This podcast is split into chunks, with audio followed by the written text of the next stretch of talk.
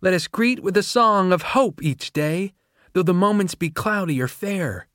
He was not just going to live, he was going to live with her. As they had that day at the lake, he thought of the taste of the fresh fish, the sweet air, and the freedom to act however he wanted, as nature had intended, to answer to no one, to truly be rid of the world's oppressive expectations forever. Let us trust in tomorrow always, to keep us, one and all, in its care. He made it back to the gymnasium and slipped into his place in time to join in the last chorus.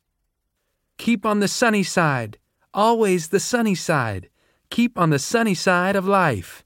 It will help us every day. It will brighten all the way if we keep on the sunny side of life. Yes, sir, keep on the sunny side of life.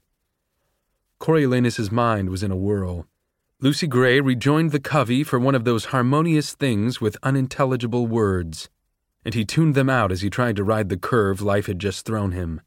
He and Lucy Gray, running away into the wilderness. Madness. But then again, why not? It was the only lifeline in his reach, and he meant to grasp it and hold on tightly. Tomorrow was Sunday, so he had the day off. He'd leave as early as possible, grab breakfast, possibly his last meal in civilization when the mess opened at six, then hit the road. His bunkmates would be sleeping off the whiskey. He would have to sneak off the base. The fence. He hoped Spruce had had good information about the weak spot behind the generator. And then he'd make his way to Lucy Gray and run as fast and as far as he could. But wait, should he go to her house? With the covey all there? and possibly the mayor? Or did she mean to meet in the meadow? He was mulling it over when the number ended and she slid back up on her stool with her guitar. I almost forgot. I promised to sing this for one of you, she said.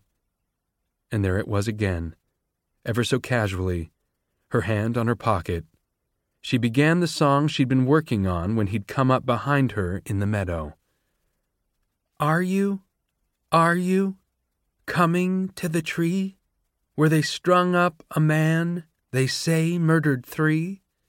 Strange things did happen here.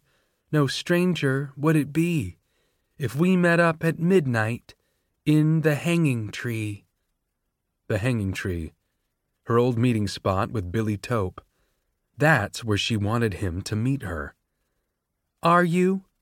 Are you? Coming to the tree? where the dead man called out for his love to flee? Strange things did happen here, no stranger would it be if we met up at midnight in the hanging tree. He would have preferred not to meet up at her old lover's rendezvous spot, but it was certainly much safer than meeting at her house. Who would be there on a Sunday morning? Anyway, Billy Taupe was no longer a concern. She took another breath. She must have written more. Are you, are you coming to the tree where I told you to run so we'd both be free? Strange things did happen here. No stranger would it be if we met up at midnight in the hanging tree. Who did she mean? Billy Taupe telling her to come there so they'd be free? Her telling him tonight that they'd be free? Are you, are you, coming to the tree? We're a necklace of rope, side by side with me. Strange things did happen here. No stranger would it be if we met up at midnight in the hanging tree. Now he got it. The song, the speaker in the song, was Billy Taupe and he was singing it to Lucy Gray. He'd witnessed Arlo's death, heard the birds call out his last words, begged Lucy Gray to run away to freedom with him, and when she'd rejected him, he'd wanted her to hang with him rather than get to live without him. Coriolanus hoped this was the final Billy Taupe song. What else could be said, really?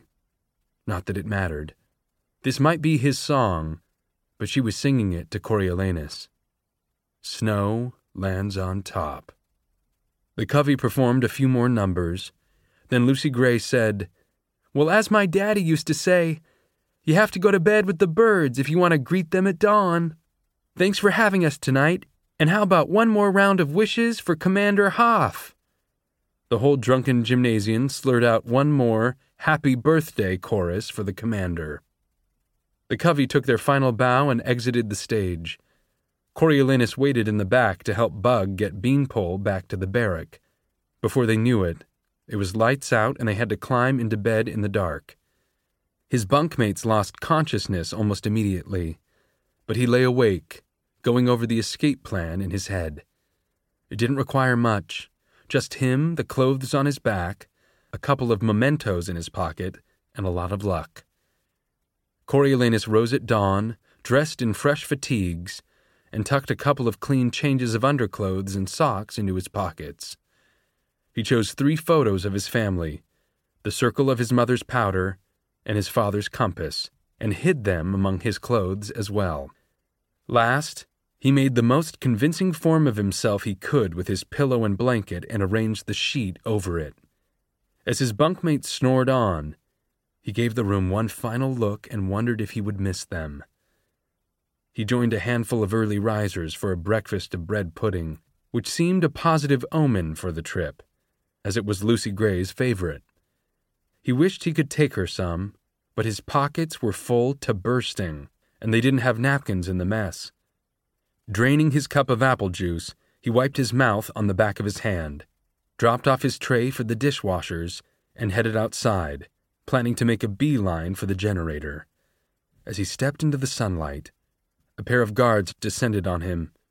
Armed guards, not aides. Private Snow, said one. You're wanted in the commander's office. A jolt of adrenaline shot through him. His blood pounded in his temples. This couldn't be happening.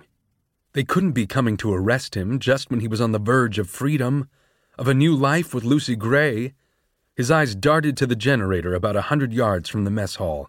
Even with his recent training, he'd never make it. He never would. I just need five more minutes, he pleaded with the universe. Even two will do. The universe ignored him. Flanked by the guards, he drew back his shoulders and marched straight to the commander's office prepared to face his doom. As he entered, Commander Hoff rose from his desk, snapped to attention, and gave him a salute. Private Snow, he said, let me be the first to congratulate you. You leave for officer's school tomorrow.